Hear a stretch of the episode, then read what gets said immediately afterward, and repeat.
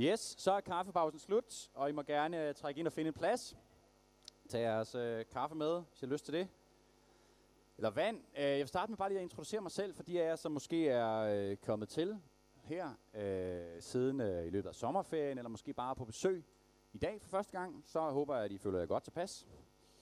Og øh, jeg hedder Simon, og som Flemming sagde, så er jeg ansat præst her i kirken, har været det siden forrige november, så snart et år. Men øh, det bliver så ikke så meget længere end det, fordi som Flemming også fortalte, så skal vi, øh, øh mig og min kone, flytte til Aarhus her omkring jul for at plante en vinderkirke derovre. Det er vi jo meget spændte på. Og øhm, det, jeg, vil, jeg vil sige, at øh, det er en virkelig, virkelig spændende proces at være i, og øh, vi får virkelig lov til at opleve, hvordan Gud han virkelig forbereder, hvordan han lægger det øh, på plads for os. Og så vil jeg også sige, at næste søndag, hvor vi har den her visions gudstjeneste, som Flemming også nævnte, der har vi fået lov til at dele lidt mere om, hvad der sker lige nu, hvordan det skrider frem, hvordan der er ved at samle sig timer og sådan noget. Så kom der om en uge, så kan I høre lidt mere. Og så vil jeg også bare lige sige, at hvis nu, at øh, du er her, hvis du har hørt os fortælle om det her måske før, og du har på en eller anden måde gået og tænkt lidt over, okay, det her med Aarhus Vinder, det lyder ret spændende. Du kan mærke, måske det lige presser lidt på.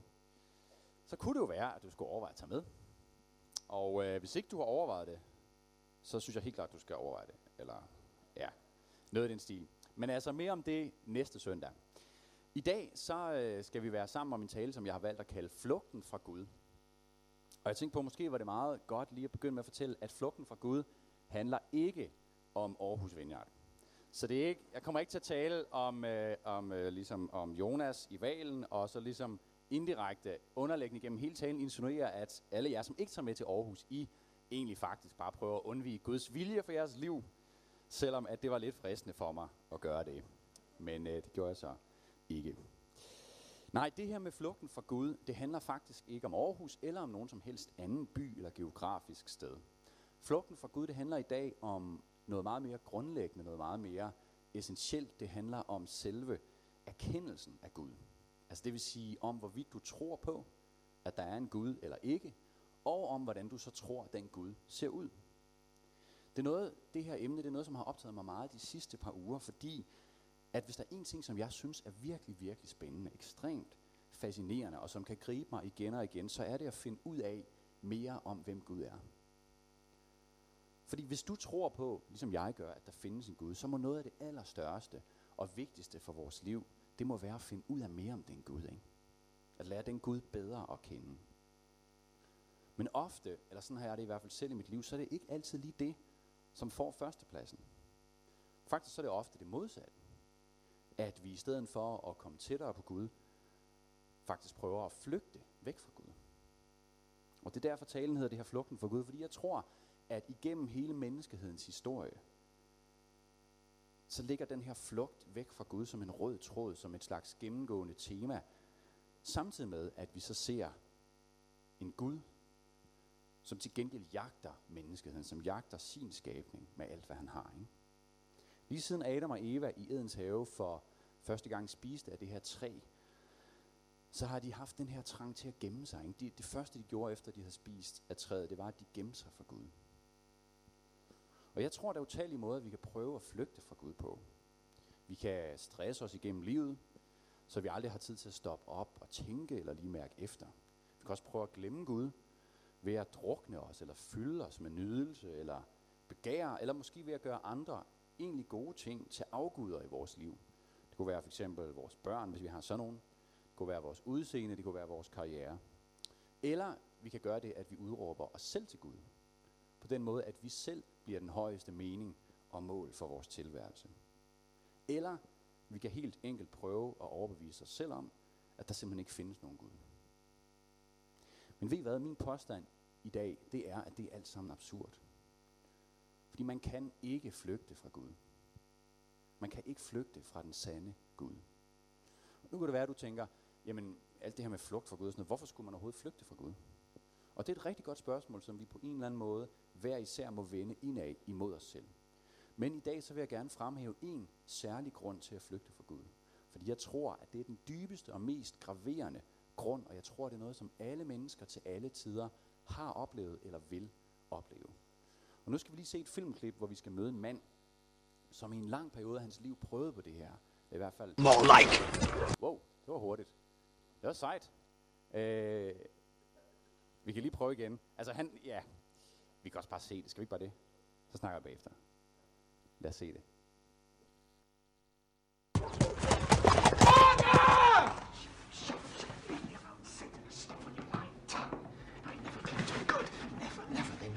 Here. My pride, my cursed lust. I confess them all. I confess them all. Just leave me. Just, just leave me. Just leave me. Leave me. Leave me. You're too hard on yourself, Brother Marty. Arguing with the devil never does any of us any good. He has had 5,000 years of practice. He knows all the weak spots. I'm sorry about today. I'm not here to scold you, Martin. I'm too full of sin to be a priest.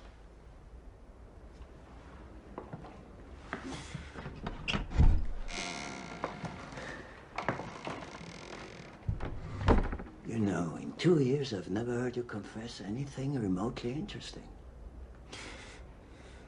I live in terror of judgment. And you think self-hatred will save you? Have you ever dared to think that God is not just? He has us born, tainted by sin. Then he's angry with us all our lives for our faults.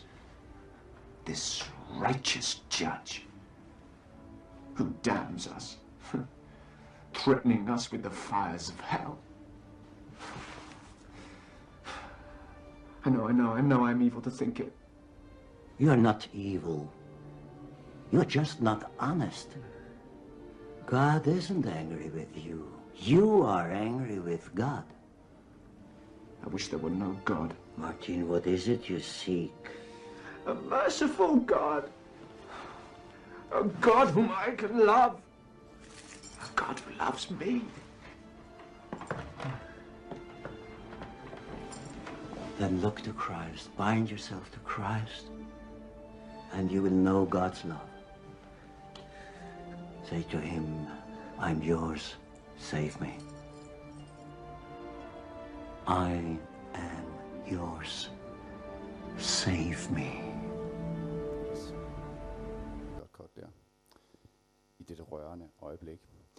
Uh, nogle af jer har formentlig set filmen, men manden her, som er på knæ i en lidt øh, pinlig situation, kunne man sige, det er faktisk ingen mindre end Martin Luther. Den store reformator og grundlæggeren af den protestantiske kirke. Han siger i det her klip, vi ser, I wish there were no God. Det er jo en rimelig voldsom udmelding, ikke? Se, Luthers problem, det var, at han havde et langt større og meget mere komplekst gudsbillede end rigtig mange andre på sin tid. Radikalt større. For Luther, han forstod, at hvis Gud virkelig var Gud, hvis han virkelig lod Gud være Gud, så måtte den Gud kende ham. Og ikke bare kende ham, nej, gennemskue ham. Se igennem ham. Ikke bare se de ting, vi andre ser, ligesom når vi kigger på hinanden, de ting, som er på overfladen, vores handlinger og vores ord. Nej, hvis Gud virkelig var Gud, så måtte han kende os fuldt ud og se hver eneste tanke, hver eneste følelse, hver eneste erfaring. Ja, selv de ting, som er skjult for os selv. Selv vores underbevidstheds. Alle de ting lå fuldstændig, eller ligger fuldstændig blottet for Gud. Selv det dybeste i et menneske, det mest skjulte, det er ikke skjult for Gud. Og Luther han har senere formuleret det sådan her, den erkendelse. Hele Guds guddommelige natur er helt og fuldt til stede i alle skabninger. Dybere, indad til, mere til stede end skabningerne selv. Og et andet sted, så skriver han, Guds kraft er alle steds nærværende, selv i det mindste blad på træet. Tror du, Gud ligger og sover på en pude i himlen? Gud er fuldt ud til stede i hele skabningen, i hvert hjørne, bag ved dig og foran dig. Så man kan sige, at ifølge Luther, ifølge hans erkendelse, så er der noget, som er dybere i dig og mig, end dig selv. Der er noget, som er dybere i mig, end mig selv. Noget, som er dybere end min egen eksistens. Og det er så Gud. Normalt, når vi snakker om, at Gud han kender os, så er det med sådan en positiv vinkel. Ikke? Så synger vi om i søndagsskolesangen, at Gud han ved, hvor mange hår vi har på hovedet. Af en eller anden grund. Øh, synger vi om det. Men når vi renser os selv, når vi kigger ind i os selv, så må vi bare erkende, at der er ting inde i os, som vi har det bedst med, forbliver skjulte. Ting vi har gjort, som vi kun selv ved om. Tanker, som vi har tænkt, som vi skammer os over. Sådan har jeg det selv, da, da jeg øh, forberedte den her tale. Så var der flere ting, som poppede op i mit hoved.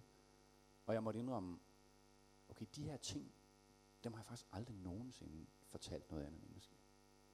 Og det er sådan en rimelig vild erkendelse, og formentlig sidder du og har nogle af de samme ting. Kan også være, at du har prøvet øh, nogle gange at stå i sådan en forbønssituation, hvor der er en, som beder for dig, måske sådan lidt profetisk eller karismatisk type, I ved, ikke? Og så, har man, så nogle gange så kan man tage sig selv i at stå, okay Gud, øh, lad lige være med at, at, at sige noget om det der. Helst ikke lige bringe det her på banen. Det ved jeg ikke, om I kender. Men øh, så kan man lige øh, tilføje, at det er godt, at her i kirken har vi den politik, at i sådan nogle situationer, så opmuntrer vi kun hinanden. Bare lige for god ordens skyld. Men altså, jeg tror, at Luther, han havde det præcis sådan her. Luther, han var alt for klar over hans egen tilstand. Som vi ser det i det her klip, så var Luther pinligt bevidst om hans egen kommen til kort. Om hans egen synd. At han kunne ikke udholde tanken om, at der var en, som så det hele. Inden for psykologi og psykoterapi, så er det velkendt, at intet menneske i sidste ende ønsker at kende den virkelige sandhed om sig selv. Ingen er i stand til fuldt ud at se sandheden om sig selv i øjnene, og i stedet for at gøre det, så opfinder vi historier, forklaringer og verdensbilleder rundt om os selv, for at beskytte os imod den her erkendelse. Og det gør vi alle sammen i større eller mindre grad. Der er nok nogle af jer, der har set den her film, som hedder Shutter Island, hvor øh, hovedpersonen, som er spillet af Leonardo DiCaprio, han lider af sådan en ekstrem form for personlighedsforstyrrelse og virkelighedsforvejning, fordi han ikke er i stand til at leve med den skyld, han føler over, at han lod sin sindsforvirrede kone slå deres børn ihjel. I slutningen af filmen, efter han har været igennem sådan en langt, langt øh, terapiforløb og sådan nøje øh, tilrettelagt rollespil er det faktisk, så kommer han tilbage til virkeligheden, kommer ud af den her illusion. Men i den sidste scene, så ser vi, hvordan han vælger at fake sin sindsforstyrrelse. Altså han vælger at, at få lægerne og de, øh, politimændene omkring ham til at tro, at han stadig er i den her illusion, velvidende at han så vil få det hvide snit. Fordi som han siger i hans sidste replik i filmen, så siger han, which would be worse, to live as a monster or to die as a good man. Han kan simpelthen ikke klare vidstheden om, hvem han er og hvad han har gjort. Han kan ikke holde det ud. Vi mennesker, vi er ikke i stand til at se sandheden om os selv i øjnene. Vi formår det simpelthen ikke. Og hvor meget desto mere er vidstheden om en Gud, en som kender alting i os, en som ser lige igennem os, fuldstændig ubærlig. Det var det, den var for Luther. I salme 139, som er en meget kendt og elsket salme, så filosoferer forfatteren over det her faktum. Han siger, Herre, du renser mig og kender mig. Du ved, om jeg sidder eller står. På lang afstand er du klar over min tanke. Du er reddet på, om jeg går eller ligger. Alle mine veje er du fortrolig med. Og så hopper jeg lidt. Hvor skulle jeg søge hen fra din ånd?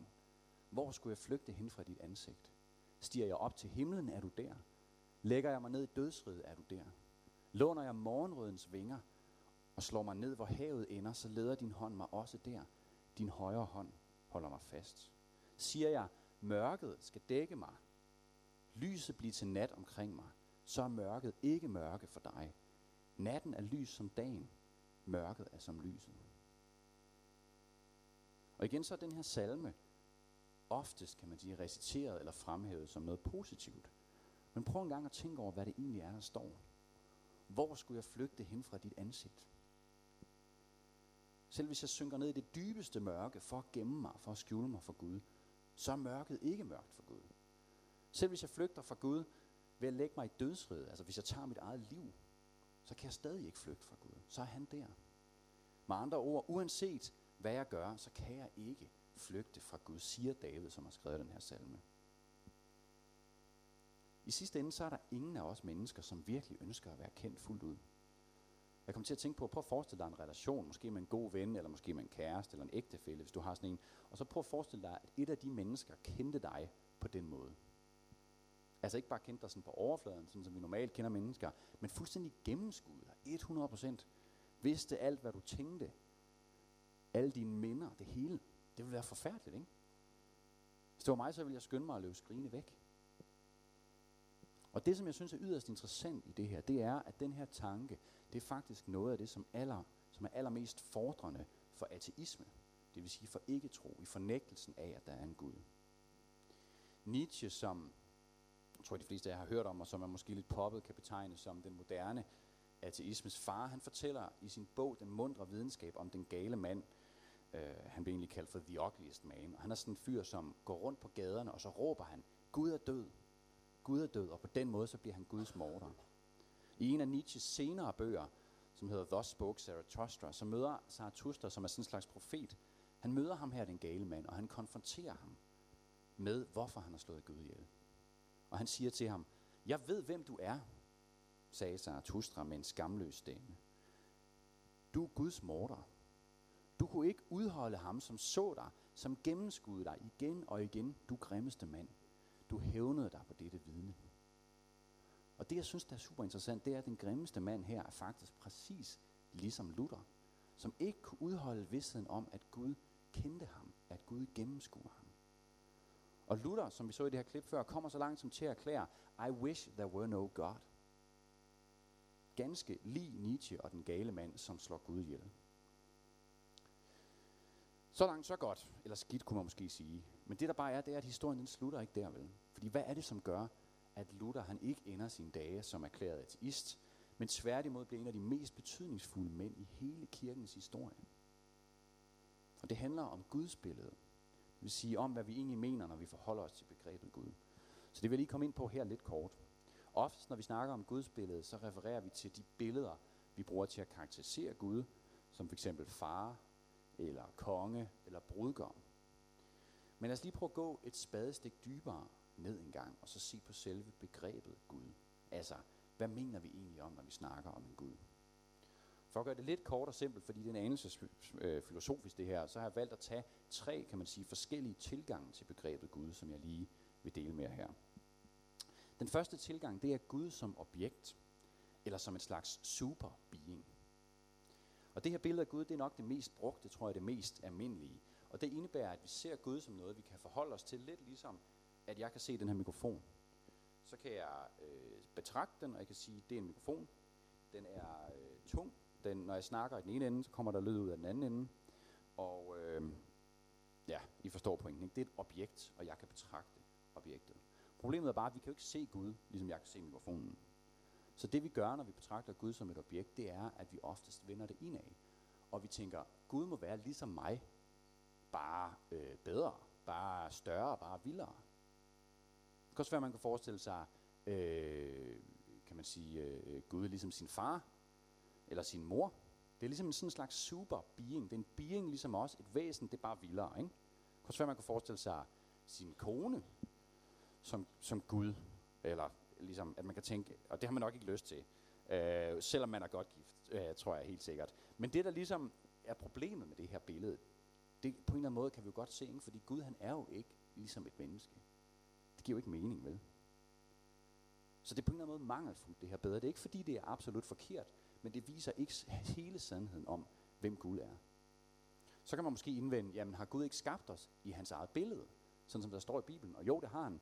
Og øhm, jeg vil lige prøve at lave et lille eksperiment her, så tager jeg lige min, jeg har, altså min telefon her, øh, kommer desværre til at tabe sidste uge, så den gik i stykker, men heldigvis virker kameraer stadig, sådan så jeg lige kan tage mig en selfie. Og det er fordi, vi er rigtig glade for selfie her i kirken. Det er noget, vi virkelig benytter en hver lejlighed til at løfte op, til at fremhæve. Så derfor vil jeg lige, hvis nu I kan I prøve at anstrenge jer og se lidt fede ud, så tager jeg lige en selfie med jer. Er I klar? Ja, sådan. Nu skal I se. Nu har jeg så taget et billede af mig selv og jer. Og så kan man kigge på det her billede, og så hvis jeg spørger jeg, synes I, det ligner mig? Det her billede. Ja, det ligner sådan okay. Det er okay, godt. Hvis nu jeg spørger om noget andet, hvis nu jeg spørger om, hvor meget er det her billede ligesom mig? Eller jeg kan også spørge, hvor meget er det her billede mig? Hvor mange procent er det her billede mig? Nej, det er et dumt spørgsmål, ikke? Det er dumt. Fordi det er jo bare ligesom, øh, altså det er jo bare inde på skærmen. Det er jo ikke, det er jo ikke ligesom mig. Øh, og det er ligesom pointen med det her billede. På samme måde er det med os og Gud. Vi er skabt i Guds billede. Vi er på en eller anden måde et billede på Gud, men det giver ikke rigtig mening at sige, at Gud er ligesom os, vel? Og det leder os til det næste Guds billede, det næste, øh, kan man sige, måde, man kan forholde sig til begrebet Gud. Og det handler om Gud som mystisk, eller som et slags hyper-being. Og nu bliver det lidt langhåret, så jeg håber, I hænger på. Jeg synes, det er meget, meget spændende. Det er, fordi jeg er mega nørdet. Og det er noget, mine briller gør. Det er derfor, jeg er nørdet. Men øhm, men altså hyper eller hyper, det betyder noget, som er hævet over. Det vil sige, i det her tilfælde, når man er en hyper being, så er man altså hævet over at være. Det vil sige hævet over at eksistere. Betyder det så, at Gud ikke eksisterer? Nej. Det, det betyder, det er, at Gud han eksisterer på en anden måde end os. Eller man kunne sige på et andet plan end os. Eller man kunne i hvert fald sige, at han eksisterer på en anden måde, end det vi forstår ved at eksistere. I det mystiske gudsbillede, der erkender vi, at det ikke giver mening at prøve at forstå Gud som et objekt, som noget, vi kan forholde os til objektivt. Og vi må derfor opgive at karakterisere Gud som noget objektivt, og i stedet for bede om, at Gud må fri os fra de gudsbilleder, som vi måske har, som i virkeligheden stammer fra os selv, og i virkeligheden siger mere om, hvem jeg er, end om, hvem Gud er. Ikke? I den mystiske tradition, så forstår vi også, at når Bibelen omtaler Gud med et utal af forskellige navne, som i virkeligheden kan være modstridende, som for eksempel kriger over for fredsfyrste, over for far, over for elsker. De kan virke modstridende, de billeder, ikke? Men vi forstår, at fordi Gud er hævet over og eksisterer på den måde, som vi eksisterer, så er de faktisk ikke modstridende. Guds navn, som er Jave og som betyder jeg er, giver også exceptionelt god mening ind i den forståelse. Ikke? Fordi Gud han er ikke ligesom bare noget, ligesom man kan sige, jeg er en mand eller en dreng, hvis man vil sige det. Så er Gud ligesom, det kan man ikke sige om Gud. Gud er hævet over at eksistere. Og øh, i den her mystiske tradition, der forstår man, kan man sige, relationen mellem os og Gud lidt som det her billede, jeg har fundet til jer, nemlig som et hav med et sunket skib ned i. Og øh, hvis man så forestiller sig, at havet det er Gud, og det sunkne skib det er mig eller dig. Det man så kan se af det her billede, det er, at vi, du og jeg, vi er i havet, og havet er i os. Men der er bare den klare forskel, at øh, havet, det fylder alting i os. Ikke? Ned til den mindste afkrog, men vi fylder en uendelig lille del af det hav. Og når vi derfor prøver at sige noget om, hvem Gud er, så forstår vi, at vi kan kun se en lille bitte, bitte del af, hvem Gud er. Og derfor så bliver det om end ikke forkert, men i hvert fald meget mangelfuldt, hvis vi prøver at definere Gud 100% ud fra det, vi kan se i os selv. Jeg kan faktisk rigtig godt lide det her billede, fordi jeg synes, det er ufatteligt smukt.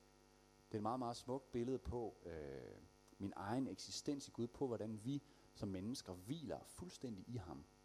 Og samtidig er det også et billede på, at vi kommer aldrig til at forstå Gud. Der kommer til at være dybder af Gud, som vi aldrig nogensinde kommer til at forstå. Det er fantastisk. Øh, det tredje gudsbillede, som jeg bare lige helt kort vil komme ind på, nu bliver det, hvis synes, det har været filosofisk, så bare vent til nu. Øh, det er et gudsbillede, hvor man snakker om Gud som altings ophav, eller the ground of being. I det her gudsbillede, så forstår man Gud som en ikke eksisterende person eller væsen. Fordi Gud, han er selve grunden for alting, som eksisterer. Det vil sige, at han er en slags væren, men han er ikke et væsen. Øh, så det man så kan, det man så, man kan sige, det, det bliver på en eller anden måde omsonst at prøve at definere Gud med vores ord og vores tanker, fordi at hvis man forestiller sig, at Gud ligesom er grunden, hvorpå alting eksisterer, så står han uden for det. Det vil sige, at alt vi kan forestille os, det er herinde, men Gud er faktisk uden for det.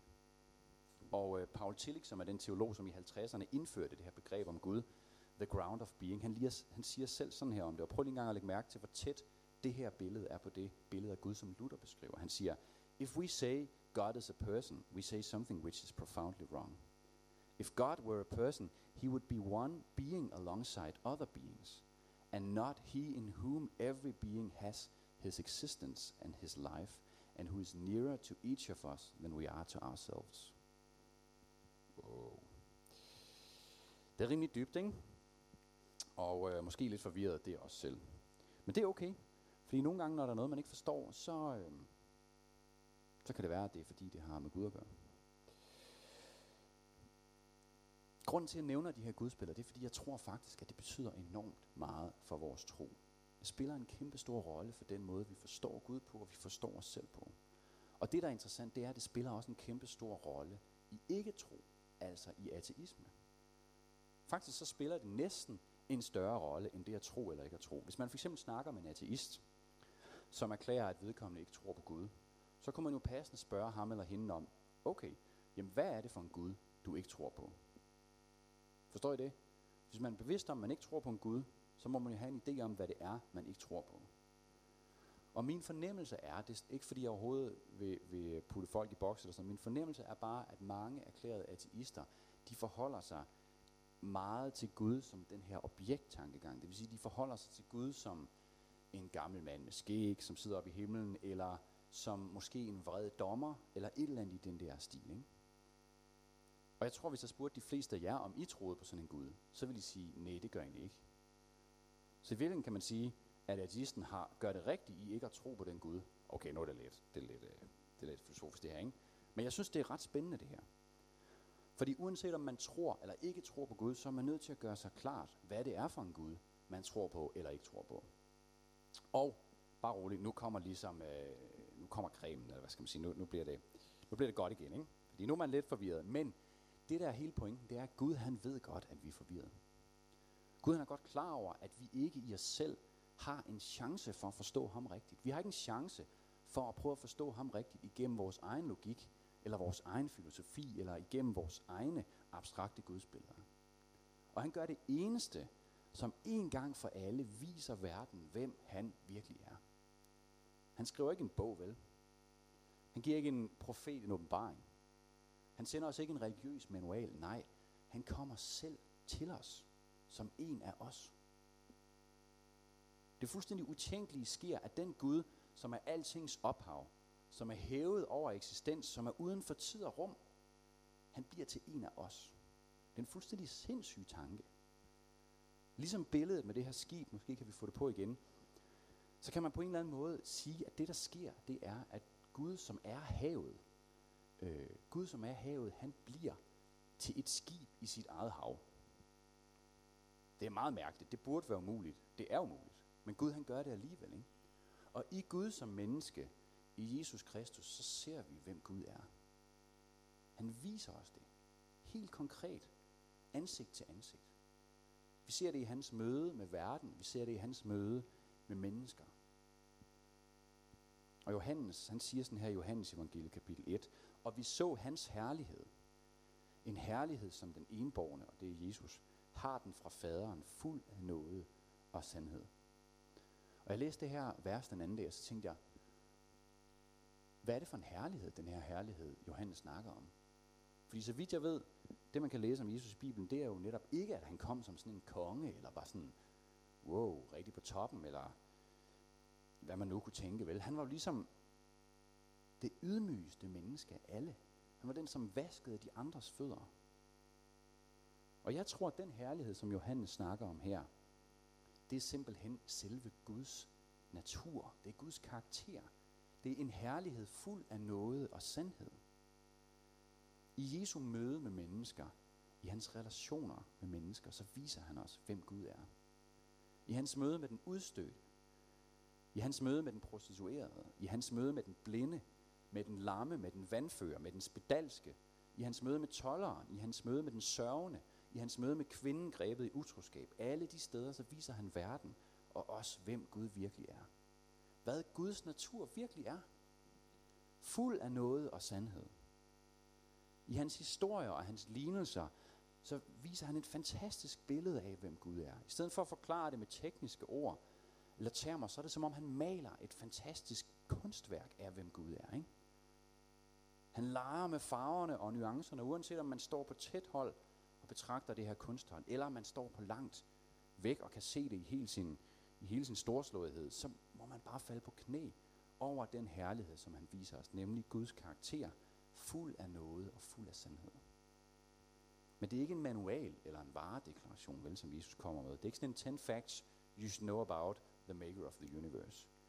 Gud er alt for rig, han er alt for stor, han er alt for overvældende til, at vi kan håndtere ham på den måde. Så kun igennem Jesus ser vi, hvem Gud i sandhed er. Og det er det, det betyder at være kristen. Det er at tro på, at Jesus Kristus viser os, hvem Gud er. Han viser os ikke bare en del af, hvem Gud er, ikke bare en tredjedel af treenigheden. Nej, Jesus viser os fuldstændig, hvem Gud er. Bibelen snakker om det som Guds fylde. Hele Guds natur og væsen og karakter er inkarneret, altså det vil sige læmeliggjort i Jesus, i mennesket Jesus. Og det betyder ikke, at Gud ikke er repræsenteret andre steder i hans skaberværk. Naturen for eksempel vidner om Gud, vidner om hans storhed. I vores medmennesker, i relationer med gode venner, eller vores familier, eller ægteskaber, så ser vi et glimt af, hvad Guds kærlighed er. Men kun i Jesus ser vi fuldt ud, hvem Gud er. Og det var den fuldstændig altafgørende erfaring, som Luther kom frem til. Som hans lærermester siger til ham i det her klip, vi så i begyndelsen. Ikke? Bind yourself to Christ, and you will know the love of God. Fordi når vi ser på Jesus, så er vi fri for at gisne. Så er vi fri for at gætte. Så er vi fri for på en eller anden måde at lægge os op af vores egen manglende visdom. Så kan vi bare se på ham, og så kan vi sige, det er Gud. Han viser os, hvem Gud er. Men midt i det her fuldstændig fantastiske event, ikke? Midt i at Gud selv bliver menneske, bliver et skib i hans eget hav, midt i verdenshistoriens klimaks, hvad sker der så? Der sker det, at vi slår ham ihjel. Vi slår simpelthen Gud selv ihjel. Fordi præcis ligesom Luther, som ikke kunne udholde vidsheden om at være kendt fuldt ud, sagde, I wish there were no God. Og præcis ligesom Nietzsches gale mand, som var nødt til at erklære Gud for død, fordi han ikke kunne klare tanken om en Gud, som kontinuerligt gennemskuede ham. På præcis samme måde reagerede menneskeheden, da vi stod ansigt til ansigt med den levende Gud. Ikke? Den levende Gud i mennesket Jesus Kristus. På en måde så kan man sige, at menneskets flugt fra Gud, det kulminerede i netop den her ting, at vi slog ham ihjel. På den måde havde Nietzsche ret. Vi slog Gud ihjel. Jøderne, som er Guds udvalgte folk, det er folk, som igennem hundredvis af år har oplevet Guds nåde og kærlighed og trofasthed. Da det så kommer til stykket, så kan de simpelthen ikke håndtere at stå ansigt til ansigt med den Gud, som de tror, de tilbeder. De kan ikke håndtere det. De prøver igen og igen at få ham til at bevise, at han kun er et menneske. De sætter ham på prøve. De prøver at få ham til at begå fejl. De lægger alle de her lumske fælder, han skal gå i. Men han består dem alle sammen. Ikke? Han fejler ikke en eneste gang. Fordi i alle situationer, selv på det yderste, selv imens han hænger på korset, så er det kærligheden og nåden, som fylder ham, som strømmer ud af ham. Fader, tilgiv dem, for de ved ikke, hvad de gør, siger han på korset. Prøv at høre en gang, hvad Jesus selv siger i Johannes evangeliet kapitel 12. Jesus råbte, og det er fordi, at det er vigtigt, det han skal til at, at råbe. Så han råber, den der tror på mig, tror ikke på mig, men på ham, som har sendt mig. Og den der ser mig, ser ham, som har sendt mig. Som lys er jeg kommet til verden, for at enhver, som tror på mig, ikke skal blive i mørket. Og den, der hører mine ord og ikke holder fast ved dem, ham dømmer jeg ikke.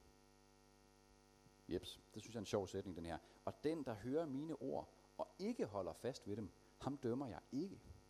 For jeg er ikke kommet for at dømme verden, men for at frelse verden. Den, der forkaster mig og ikke tager imod mine ord, har mødt sin dommer. Det ord, jeg har talt, det skal dømme ham på den yderste dag. Jesus kom ikke for at dømme verden, men hans komme medførte, at vi dømte os selv. For vi slog en uskyldig mand ihjel. Vi slog Gud selv ihjel. Men selv den handling, ikke? selv det mest grufulde, som nogensinde er sket, det bruger Gud til at vise os, hvem han er. Selv på menneskehedens mørkeste dag, den dag, hvor solen formørkede, så hvor jorden rystede, og Gud selv døde, selv på den dag er det Guds nåde, som vinder. Hele henrettelsen af Jesus, kulminerende i hans forfærdelige død på korset, det er som et mørkets triumftog. Det er som om al verdens ondskab, dæmoni og ugudelighed, det samler sig for at slå Gud ihjel, for at myrde Jesus, som er verdens håb, som er verdens lys. Jeg ved ikke, om I kan huske beskrivelsen i Narnia, hvis I har læst den eller set filmene, at af det her øjeblik af henrettelsen af Aslan af løven. Men jeg synes, den er meget slående. Jeg fandt sådan et billede af det her. Og det, man kan se i filmen og høre om i bogen, det er, hvordan alle de her dæmoner og trolde og alle andre afskyeligheder, som er kommet, indtil det sidste, ikke, det er som om de ikke rigtig tror på, at Aslan han virkelig vil lade sig dræbe. Fordi de ved godt, at hvis han ville, så kunne han til hvert øjeblik rive sig fri og æde dem alle sammen i en mundfuld. Ikke? Lige så vel som Jesus kunne have stedet ned af korset og have slået alle soldaterne og alle de irriterende jøder ihjel med bare et knips. Først i det sekund, hvor han virkelig er død, så tror de på det. Så tror de på, at de virkelig har slået Gud ihjel. Men samtidig, så sker der noget andet. Ikke? Der sker noget, som er meget større. Fordi i det, at Gud lader sig selv slå ihjel, så viser han os, hvor stor en Gud han er. Han beviser igennem det absolut yderste, hvor meget han virkelig elsker verden. Hvor stor hans nåde virkelig er. Hvem kan forestille sig en Gud, som dør for hånden af sine skabninger? Det giver ingen mening, vel? Det er absurd. Men Gud, han lader os gøre det, så vi på en gang dømmer os selv, og vi ser sandheden om os selv i øjnene, og samtidig så vi med vores egne øjne ser, hvor stor hans nåde og kærlighed faktisk er.